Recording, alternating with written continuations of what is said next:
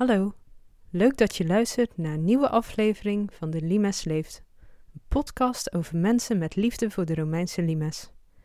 Mijn naam is Deborah en deze keer spreek ik met Stefan Weiskönig van Museum het Valkhof over het aquaduct bij Bergendal en de steenbakkerij op de Holdurn. Twee bijzondere monumenten, daarom een iets langere aflevering.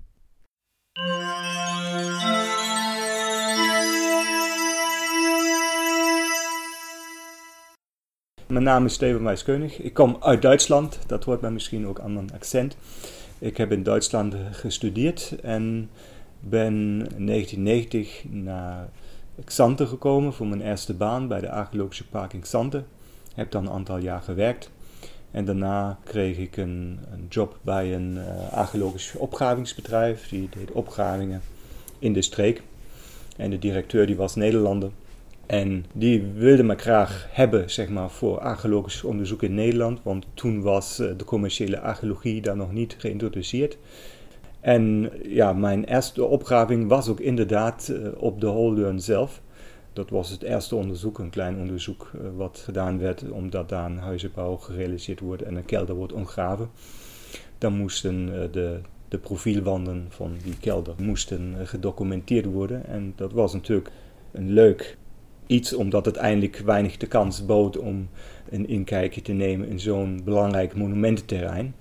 En door deze bouwwerkzaamheden zijn ook ehm, ja, een heleboel dakpannenstempels en, en allerlei soorten dakpannen aan het daglicht gekomen. Ook stempels die nog niet bekend waren. Dat was wel een spannend onderzoek. En een paar jaar later was nog een keer een, een archeologisch onderzoek geweest op die locatie, waar een persrioolleiding werd verlegd. Was op zich een klein sleufje van alleen maar 50 centimeter breed, maar die ging door het hele terrein door.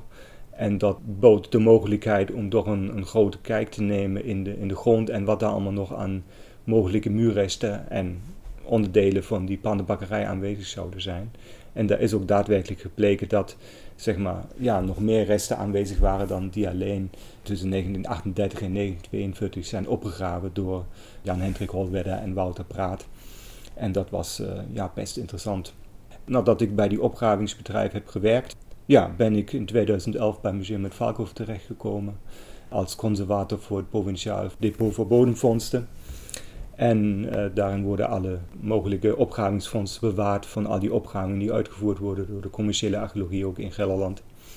En vandaar heb ik ook weer nu uh, de bakstenen van de Holden weer onder beheer van mijn eigen opgraving, wat een beetje grappig is eigenlijk, maar het is zo. Vorige maand was ik in Museum Valkhof, heb ik met Marenne gesproken. Zij vertelde natuurlijk alles over de legioensplaats. Vooral dat tiende legioen, wat na de Bataafse opstand is gekomen, die heeft een belangrijke rol gespeeld in alles wat er in Berg en Dal is gevonden. Het aquaduct en de pannenbakkerij. Ja, inderdaad. Er zijn hele grote werkzaamheden uitgevoerd tussen de Huneberg en, en Bergendal.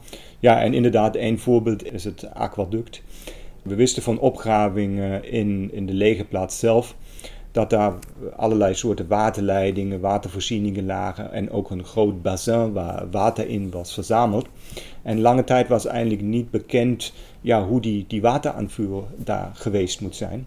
Want in die legerplaats zelf zaten zo, zo ruim 5000 mensen en die moesten natuurlijk voorzien worden van water. En je hebt bovenop de stuurwal heb je eigenlijk ja, weinig bereik aan, aan water. Dus als je een waterput wilt graven, moet je die heel diep graven, tot aan 40 meter diep, om naar die watervoerende grondwaterlagen te komen. Dus dat was natuurlijk niet mogelijk. Vanaf het moment dat men deze waterleidingen en dat waterbassin in het legerplaats had gevonden, naast trouwens ook nog een echte waterput, maar alleen één, dus van één waterput krijg je ook een hele hele leger niet voorzien met water, moest eigenlijk het water van verder af aangevoerd worden. En het was uiteindelijk een amateurarcheoloog en ook een docent aan de Radboud Universiteit die het idee had dat het misschien inderdaad van bovenaf van de stoelwal uh, werd aangevoerd van, van berg en dal. Want het water moet natuurlijk bij zo'n aquaduct meelopen met de helling. Dus je hebt een verval nodig om zeg maar, naar de lege plaats te komen. Dus van een hoger gelegen deel moet je naar het lager gelegen uh, lege plaats komen. Door die stoelwal in de ijstijd zijn allerlei lagen opgeschoven. En niet alleen zand en grind, maar ook leem- en kleilagen. En in die leem- en kleilagen, daarop blijft het regenwater hangen. Daarom spreekt men ook van hangwater. Dus dan heb je een soort vijvers of kwellen waar deze lagen daar zomen. Daar komt het water eindelijk weer um, naar boven. Dus je hebt ook op de stuwwal heb je ook water. En hedendaags ziet het allemaal best droog uit, maar blijkbaar in de Romeinse tijd was er veel meer water, dus daar had je veel meer vijvers en van die natuurlijke kwellen die daar uit de grond kwamen. En door een, een aquaduct kon je dit water verzamelen en uiteindelijk naar de legerplaats toevoeren door een aquaduct. Nou ja, als je nu zo zegt over een aquaduct, nou dan denk je misschien aan de Pont du Gard in Nîmes, zo'n mooie grote stenen die daar over, over een daal heen gaat. Ehm, en dat zag er toch in Nijmegen iets, iets anders uit. Want dat hele aquaduct was, uh, was van houtbouw. Dus eigenlijk wat je zou verwachten, nou ja, houten resten, die zijn allemaal vergaan in de grond. Dus na 2000 jaar hou je er niks meer van over. Van al die houtresten. Daar heb je alleen nog verkleuringen van. Maar wat je wel nog ziet, is natuurlijk de inspanningen die de Romeinen hebben gedaan om dat water naar die lege plaats te krijgen. Dus je hebt je enerzijds heb je grote gegraven dalen, dus bijvoorbeeld het Kerstendaal of het daal bij Watermeerwijk. Dat zijn echt van de hand gegraven dalen en, en brede sleuven die daar zijn gemaakt. Van die opgeworpen zandgronden. En die waren bedoeld om daar het water te verzamelen uit die lagen van de stoerwal die zich daarin konden verzamelen. Daarnaast moest je natuurlijk ook hellingen overbruggen of dalen overbruggen. Dus als je tegen een helling kwam, dan heb je die doorgegraven. Dus je hebt een soort kanalen die daar doorheen zijn gegraven. En daar is recentelijk ook nog eentje van teruggevonden aan de Bosweg in Nijmegen. En daarnaast heb je ook nog dalen die je moest overbruggen. En dat hebben ze met een dam gedaan, met een opgeworpen dam of dijk. En de naam de Broerdijk, die hedendaags ook nog zo heet, dat toont het al aan. Helaas is die in, het, in de 20e eeuw ook afgegraven. Dus daar vind je niks meer van terug. Maar die Broerdijk geeft aan dat dit mogelijk een, dam was waarop ook die houten waterleiding gelegd was om die uh, naar de legerplaats te krijgen. En zo vind je nog een, heleboel relicten die ja, maar niet zo goed zichtbaar zijn voor de, voor de leek, zeg maar, voor die mensen. Maar geeft toch wel duidelijk aan dat zeg maar, daar de Romeinen heel veel inspanning hebben gedaan om de wateraanvoer voor de legerplaats uh, veilig te kunnen stellen.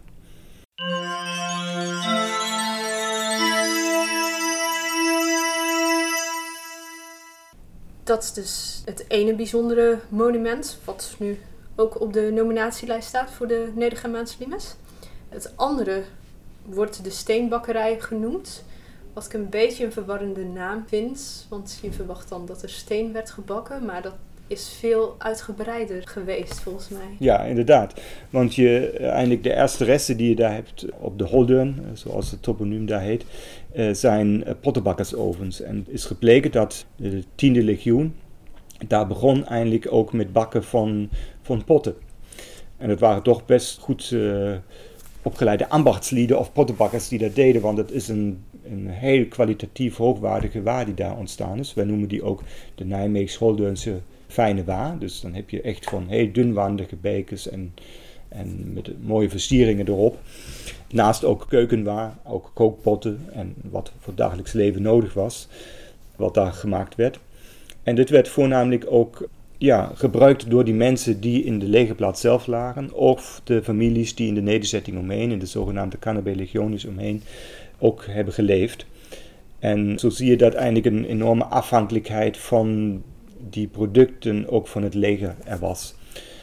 Dat is het ene aanwijzing die we hebben, zeg maar, eh, de aardewerkproductie. Maar tegelijkertijd, omstreeks het eind van de eerste eeuw of begin van de tweede eeuw, werd die um, legerplaats ook van steen gebouwd. En uh, voor dit doel waren grote aantallen dakpannen nodig en ook grote aantallen aan tegels, bakstenen tegels.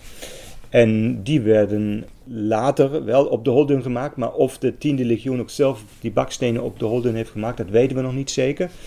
Sowieso is alleen maar een heel klein deel van het terrein al opgegraven. Een groot deel ligt er nog ondergrond, we weten nog niet alles van.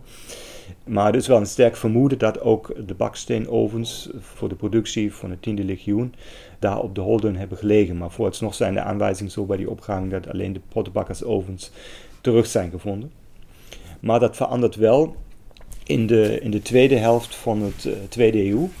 Want dan vindt echt een grootschalige baksteenproductie plaats uh, op de Holden. En je mag zeggen dat de Holden het productiecentrum voor baksteen van de hele Nedergermaanse limes is geweest. Want je vindt de bakstenen allemaal in die Romeinse Castella terug, vanaf Keulen zeg maar tot aan de Noordzee. Hebben ze allemaal die bakstenen en die dakpannen van de Holdeun gebruikt daar voor het bouwen van die stenen forten. Dus het moet een enorme uh, productie geweest zijn van bakstenen. En we zien dat bijvoorbeeld ook terug aan de hand van, van inscripties op tegels, waar aangegeven staat hoeveel bakstenen per dag door een bepaald uh, soldaat of persoon is gemaakt. En je ziet dat er rond 500 van een soort bakstenen gemaakt zijn door één persoon. Dat is een enorme hoeveelheid op één dag. Die werden opgestapeld dan om te bakken in enorm grote ovens, van ovale ovens van ongeveer 8 eh, meter breedte. En waarom zaten ze op de, op de holdeuren? We weten bijvoorbeeld dat het groot deel van de Nederrijkse woud, die hedendaags goed zichtbaar is, maar dat was in de Romeinse tijd niet zo. Die was al ontbost. Het gebied was vrijwel ontbost. Dus hout kan niet de reden zijn waarom daar de baksteenproductie plaatsvindt, maar dat is meer de grondstoffen. Je hebt het water, daar sluit het weer aan bij het aquaduct. Dus je hebt grote hoeveelheden aan water daar voor nodig voor die baksteenproductie. Dat had je ter plekke al. En je had natuurlijk die leem en die kleilagen uit die stuwwal, die ja, per uitstek geschikt waren voor het maken van die bakstenen en ook van de aardewerken producten. Dus dat was eigenlijk de ideale plaats om daar nu te beginnen met die grootschalige productie. Tegelijkertijd moest je ook van bewust zijn, je moest natuurlijk ook deze bakstenen allemaal transporteren. Dus er moet wel ergens een doorsteek geweest zijn naar de Waal om daar uh, de, de bakstenen allemaal op het schip te laden. En dan later te vervoeren ook naar de Rijn toe en, enzovoort. Dus je hebt ook nog een korte landroute gehad waar je die, die bakstenen moest transporteren. Maar op zich was de nabijheid uh, bij het rivieren natuurlijk wel voordelig, ook voor het transport van al die bakstenen. En bakstenen, dan denk ik aan muren, maar als je kijkt in de forten, dan gaat het vooral om de vloeren en de dakpannen, toch? Ja. De muren van steen uit de Eifel, toch? Ja, je hebt van steen, maar je hebt soms ook wel lagen van, van baksteen ertussen. Dus dan heb je, zie je een, een rij van, van bakstenen naast elkaar liggen. Dus de Romeinen hebben ook dat in de muurbouw gecombineerd. Uh, dan heb je echt soort vlakke tegels die dan ook daar een tussenlaag vormen, zeg maar. Maar de meeste waren natuurlijk inderdaad opgetrokken van tufsteen uit de, uit de Eifel. Of uh, zeg maar bij Koblenz uit die buurt. Uh, er waren ook grote tufsteengroeven. En uh, zo is het een combinatie ervan. Goed, veel dakpannen natuurlijk sowieso. Want het pannendak is best zwaar. Is eigenlijk super zwaar. Voor houtbouw veel te zwaar. Maar de dakpannen echt gerelateerd altijd aan steenbouw. En vandaar had je enerzijds een grote hoeveelheid aan dakpannen nodig natuurlijk. En anderzijds ook van die tegels die je ook toe kon passen natuurlijk bij de, bij de vloerverwarming. Eh, van die kleine pilaretjes waarop dan de, de vloer uh, rustte, zeg maar. En ja, dus je had heel veel toepasmogelijkheden. En dat zie je ook in de variatie van de soorten bakstenen. Dus je hebt enerzijds de dakpannen, je hebt die, die vloertegels, je hebt de baksteenformaten die gerelateerd zijn aan de, aan de muurverwarming, maar ook aan de, aan de wandverwarming. Dus er waren holle tegels, tubuli, waarmee je de lucht, eh, de warme lucht naar boven kon leiden. En zo zie je een, een, hele variatie ook aan verschillende baksteensoorten. En wat wel opvalt is dat die sterk genormeerd waren. Dus alles heeft betrekking min of meer op het Romeinse voetmaat. Voetmaat was ongeveer 29,6 uh, centimeter. Een hedendaagse voet misschien nog. En uh, dat waren allemaal afgeleiden van. Dus een halve voetmaat, een dubbele voetmaat. En zo had je eh, een soort standaardisering en normering, waardoor je dan ook ja, toepasselijk kon bouwen, zeg maar, met al die, die gebouwen die er ontstonden langs de limes. Ja, dus dat klinkt mij als Castella, maar ook als badhuizen. Als je ja, het badhuizen, over de inderdaad. en de vloerverwarming. Ja, ja, ja. Nou ja, elk fort had waarschijnlijk ook een badhuis, dus dat is ook logisch natuurlijk. Ja, ja. dus ook die kleine kastellen langs de Limes hadden ook wel badhuizen. En, en daar vonden die allemaal, ja, worden die allemaal gebruikt. En er is wel nog één bijzonderheid, zeg maar, van de Holde. Want de eerste productie begint uh, blijkbaar ook voor een, een grote bouwactie die in Keulen wordt uitgevoerd. En het betreft daar de stadhouderpaleis van de stadhouder van Neder-Germanië. Want er ontstond een hele, hele grote paleis. Die hedendaags trouwens ook nog toegankelijk is. Het noemt zich het Pretorium in Keulen. Er ontstaat op dit moment ook een archeologische zone. En voor deze bouwactiviteit waren ook uh, bakstenen nodig en die zijn ook geproduceerd op de Holde. En die vinden we terug door het naam van een consul erop. Consulen, ja, moet je even uitleggen, dat waren natuurlijk uh, politici. En die consul die daar genoemd werd, Didius Julianus, die zat blijkbaar ook in die, in die stadhouderspaleis. Want in die tijd was hij nog niet keizer, zoals later dan. Die werd keizer, zeg maar, maar die, die was nog ook stadhouder van, van Neder-Germanië in die periode. En die liet, voorzien met zijn naam, eh, die tegels maken op de holden, die dan later verbouwd werden in die stadhouderspaleis. En dat is wel uh, ja, een hele interessante waarneming die daar gedaan werd, zeg maar, dat eindelijk op zoverre afstand uh, doch die, die, die bakstenen daar op de holden werden gemaakt en niet in Keulen zelf. Ja, en in welke tijd was dat? Dat, was ook zo omstreeks uh, 160, als het maar bij staat, ja. Oké.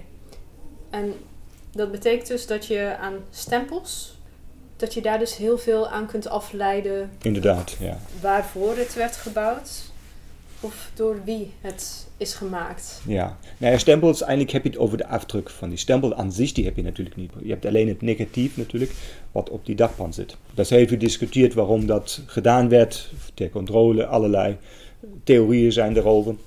Maar de essentie is dat je eindelijk kunt lezen door wie de dakpannen gemaakt zijn, hè? door die stempel.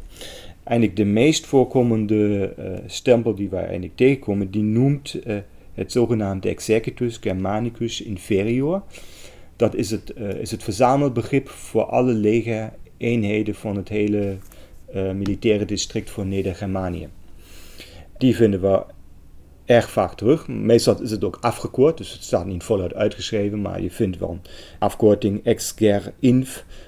En wat moet men zich voorstellen? Dat het allemaal detachementen waren van allerlei verschillende soorten van legereenheden die, die op het gebied van Neder-Germanië aanwezig waren. Dus uh, hulptroepen uit de Castella, uh, detachementen ook van de legioenen. Dus alle die vormden samen het uh, Neder-Germaanse leger. En die deden mensen detacheren om de bakstenen op de holden te maken. Maar door die, door die stempels weten we natuurlijk heel veel zeg maar, over die eenheden die daar betrokken waren. Maar naast die executive stempels vinden we ook stempels terug van andere legioenen die eigenlijk ook niet in Nijmegen gelegerd waren. Een daarvan was de Legio 30 uit Xanten, die was in Xanten gelegerd. En die hebben blijkbaar ook daar contingenten van bakstenen gemaakt op de holden. En dat weten we ook door die stempels. En dat was pas in de derde eeuw, want uh, soms zijn die ook nog voorzien van een bijnaam, waardoor je dat ook nader kunt dateren. En hetzelfde geldt ook voor de Legio Prima Minerva, de eerste legioen, die was gelegerd in Bonn. Ook die heeft op de Holden zelf uh, bakstenen geproduceerd. En die konden we ook identificeren door de afdrukken van die stempels die zij op die dakpan hebben achtergelaten.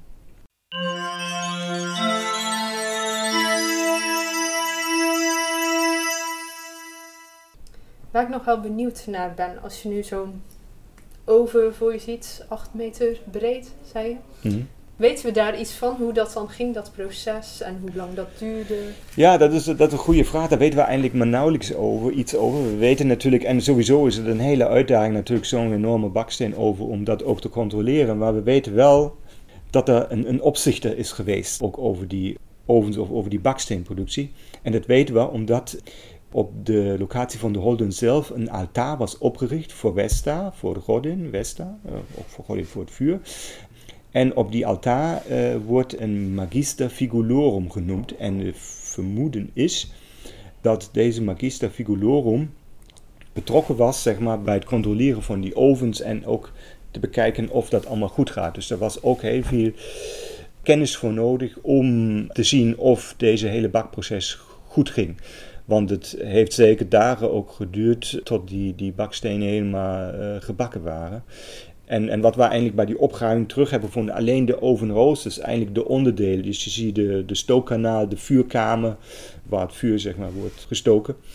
En dan de ovenrooster waar eigenlijk al die bakstenen opgestapeld waren. Maar hoe dat bovenaards uitzag, daar zijn er verschillende theorieën over. En er zijn ook reconstructietekeningen van gemaakt. Maar hoe ver, hoe hoog dat allemaal opgestapeld was, dat weten we eigenlijk niet. Dus eigenlijk zou je maar liefst uh, in, een soort experimentele archeologie dat een beetje uitvinden hoe dat allemaal um, werd gedaan. De opgravingen die zo rond 1940 zijn geweest. Is dat ook de ontdekking geweest eh, van die hele plek? Of wisten ze al veel langer dat daar een... Uh, ja, dus eigenlijk de eerste, de eerste onderzoeken die zijn uitgevoerd door uh, Leonhard Jansen omstreeks 1848. En die was conservator bij het Rijksmuseum van Oudheden in Leiden.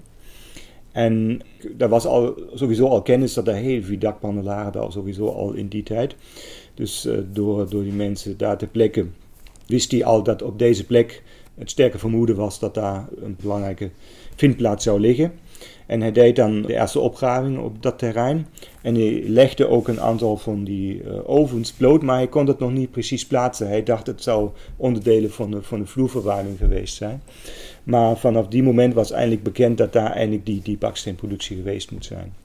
En pas later, 1938, kwam Jan-Hendrik Rolwedder en, en Wouter Praat daar echt die grootschalige opgravingen verrichten. En dat zijn nog steeds eigenlijk um, de grootste oppervlak uh, dat eindelijk nu zeg maar ook um, onderzocht is.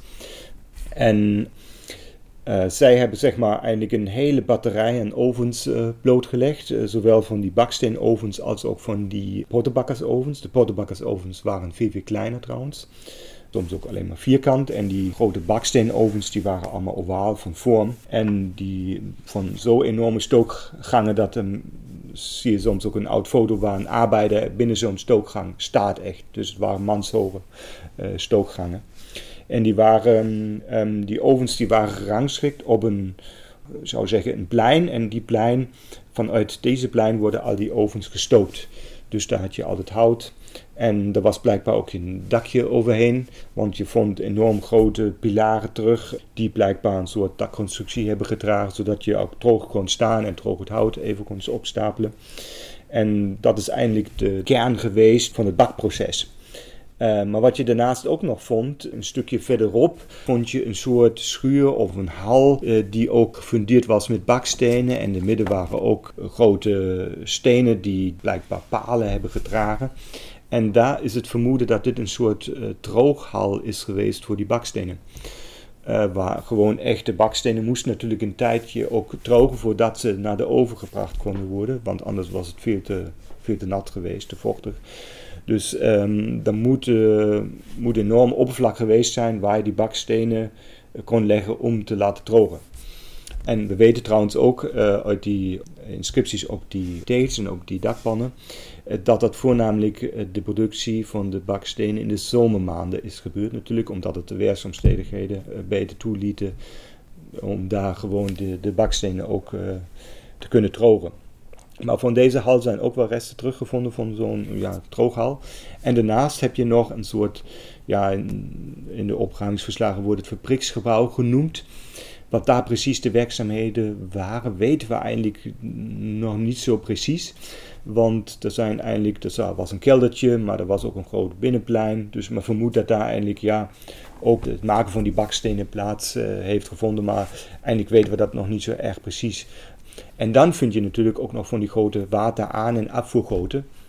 En eentje die is gevonden, die was echt opgebouwd van echt monumentale uh, soorten dakpannen. Die hebben nooit op een dak gelegen, maar die waren alleen gemaakt voor het maken van die, van die goot. En die zijn, uh, die zijn ook verzameld en bewaard gebleven. Wat misschien een beetje een treurig verhaal is bij die hele opgraving wat betreft die, die baksteenovens. Is zo dat een aantal jaar terug over na werd gedacht om dat gebied ook een beetje toeristisch te ontsluiten en die baksteenovens weer zichtbaar te maken. Want het waren zo indrukwekkende monumenten dat men dacht, nou, dat zou wel leuk zijn om die weer uh, toegankelijk en zichtbaar te maken. Uh, er waren ook allerlei plannen ver ontwikkeld.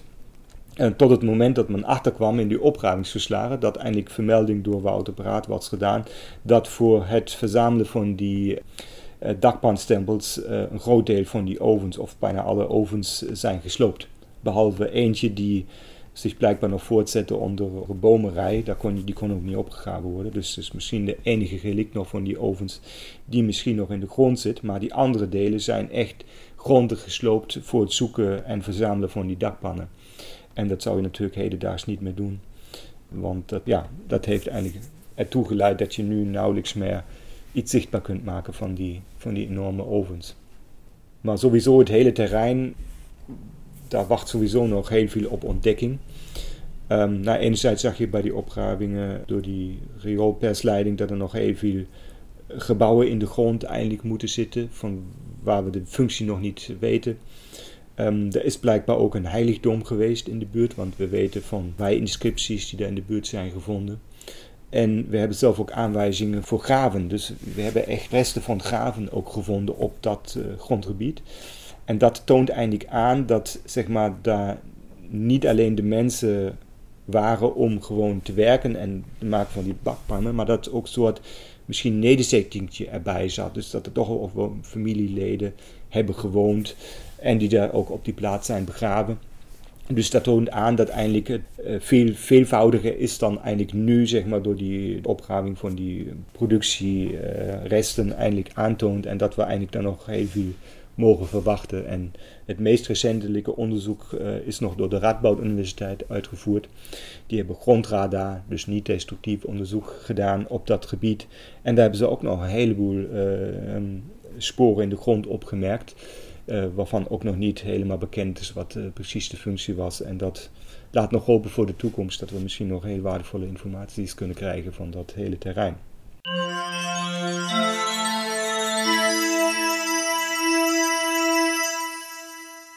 Dit was de laatste aflevering in opdracht van de Nederlandse Limes samenwerking om aandacht te besteden aan de nominatie van de Nedergermaanse Limes als UNESCO Werelderfgoed. Bedankt voor het luisteren en hopelijk tot een volgende keer.